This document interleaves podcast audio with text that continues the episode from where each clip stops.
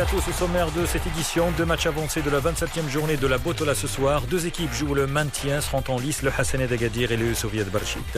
Dans cette édition, nous reviendrons sur les prestations de deux internationaux marocains le week-end dernier en Europe, Naïf Agardon en France et Ashraf Hakimi en Italie. Tennis, le numéro 1 mondial sans pitié, le Serbe Novak Djokovic s'est qualifié pour le deuxième tour à Roland Garros. Il a passé 1h38 sur le coup.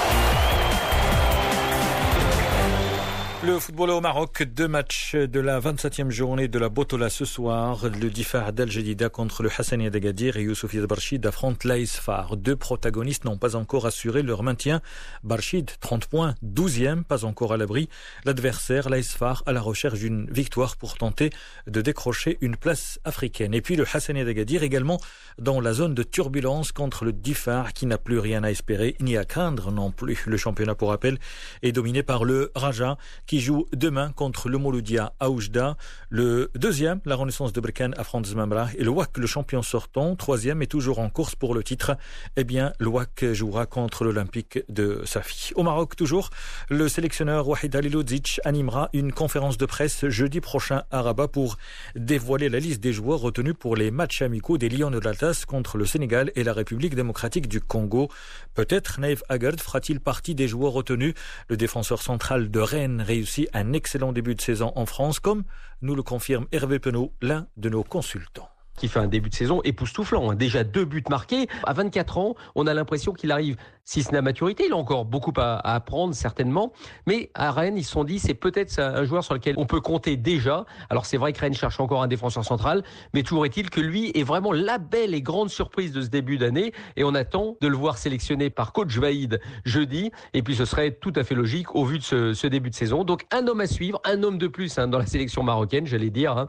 le dénommé Aguerd, d'ailleurs de Kenitra. Donc on attend beaucoup de lui. C'est un joueur encore méconnu, mais, mais qui demande à être connu. Notre consultant Hervé Penaud. La presse italienne de son côté, elle salue les débuts encourageants d'Ashraf Hakimi avec l'Inter de Milan, l'ancien joueur du Real Madrid et également du Borussia Dortmund, était remplaçant au coup d'envoi, mais le latéral marocain eh bien, a fait son entrée. Son équipe était menée 3 à 2. Il a été passeur et a donné de très bons signes pour l'avenir. Simone Rovera, notre consultant pour le football italien. Hakimi qui est un peu déjà en train de faire revivre les belles soirées sur les côtés droits. Bien sûr, défensivement, Hakimi, c'est pas Javier Zanetti, il est grand. Mais offensivement, quand tu le vois monter, bah, le pied, c'est percé, c'est centre, waouh. Sincèrement, ça fait un certain moment qu'on voyait pas un joueur de cette qualité, de cette percussion sur euh, les terrains de l'Inter. Après, décisive sur le premier match, c'est déjà bien. La suite, ce sera de le voir titulaire, de le voir s'imposer, de devenir protagoniste au-delà des passes décisives, aussi avec des buts.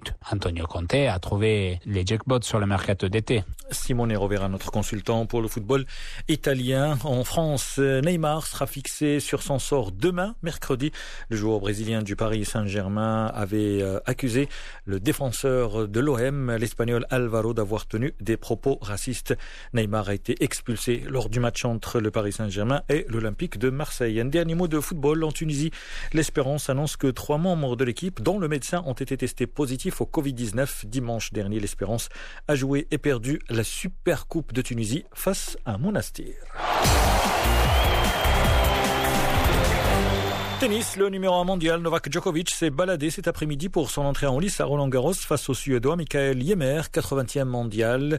Victoire en 3-7, 6-0, 6-2, 6-3. Évidemment, ce n'est pas un Roland Garros comme d'habitude, mais ça fait vraiment plaisir de jouer devant du public, a commenté le Serbe qui a multiplié les amortis contre son adversaire. Je pense que l'amorti est un coup important cette année parce que le cours est très lourd, très lent. C'est une bonne variation, mais peut-être que j'en ai fait un peu trop, a-t-il euh, souri. Au deuxième tour, Djokovic sera opposé au Lituanien Ricardas Berankis. Pour rappel, hier, le numéro 2 mondial, le maître des lieux, celui qui est toujours favori à Roland Garros et qui a gagné 12 fois. Il s'agit de Rafael Nadal. L'Espagnol s'est qualifié aisément pour le deuxième tour. C'est la fin de cette édition. Merci de votre fidélité. Excellent début de soirée à l'écoute de Média.